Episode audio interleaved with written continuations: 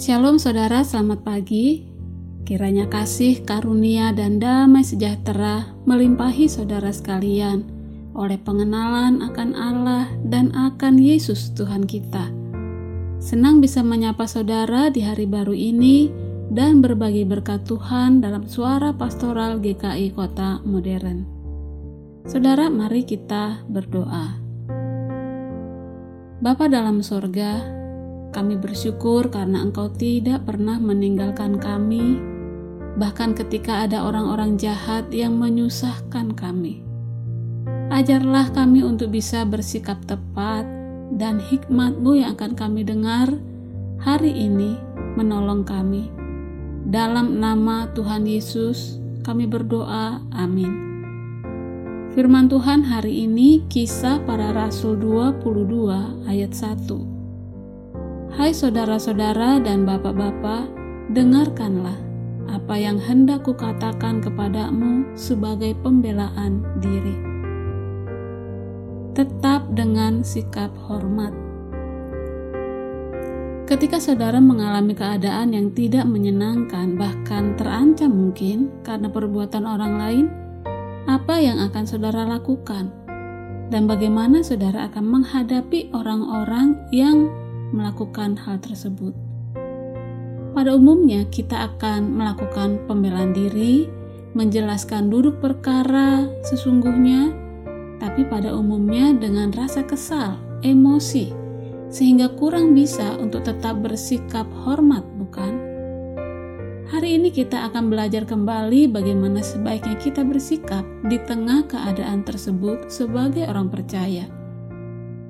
Saat itu setelah Rasul Paulus selesai melakukan pentahiran dirinya, datanglah orang-orang Yahudi yang datang dari Asia melihat Paulus di dalam bait Allah dan menghasut rakyat untuk menangkap Paulus dengan tuduhan yang tidak benar.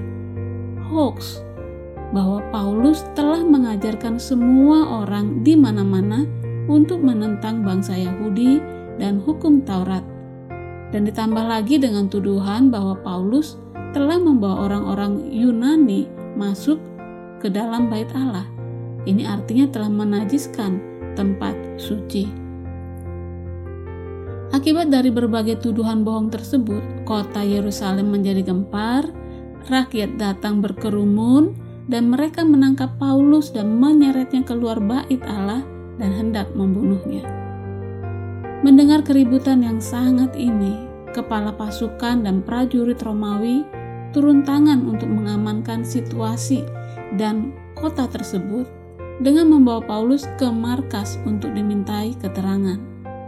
Singkat cerita, dalam peristiwa tersebut, Paulus minta izin kepada kepala pasukan untuk diberi kesempatan berbicara kepada orang-orang Yahudi tadi untuk menjelaskan duduk perkara dan pembelaan diri. Paulus memulainya dengan menyapa mereka, "Hai saudara-saudara, bapak-bapak, dengarkanlah apa yang hendak kukatakan kepadamu." Paulus tetap bersikap hormat kepada mereka yang telah rusuh dan menyulitkan keadaannya. Saudara-saudara, bapak-bapak, bagi Paulus sejahat-jahatnya mereka kepadanya, namun ia tetap mengasihi mereka ia menganggapnya sebagai saudara, tidak saja sebagai saudara sebangsa, tapi sesama manusia. Yang muda adalah saudara, dan yang tua baginya adalah bapak yang perlu dihormati dan dikasihi. Paulus ingin dalam keadaan apa pun, ia tetap memuliakan Kristus dan melayani kepentingannya sehingga ia tidak ambil hati atas sikap perbuatan saudara-saudara sebangsanya itu. Kiranya kita pun dapat belajar bersikap menghormati kepada orang lain, sekalipun mereka bersikap menjengkelkan atau merugikan sekalipun. Paulus dalam nasihatnya kepada Timotius yang dalam usia muda dipercaya untuk menggembalakan jemaat berkata, Janganlah engkau keras terhadap orang-orang tua, melainkan tegurlah dia sebagai bapak.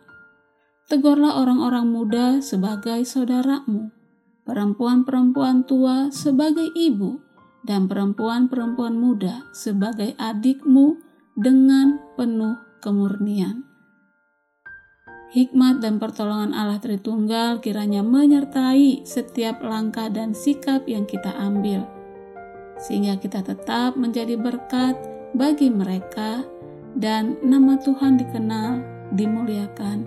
Amin.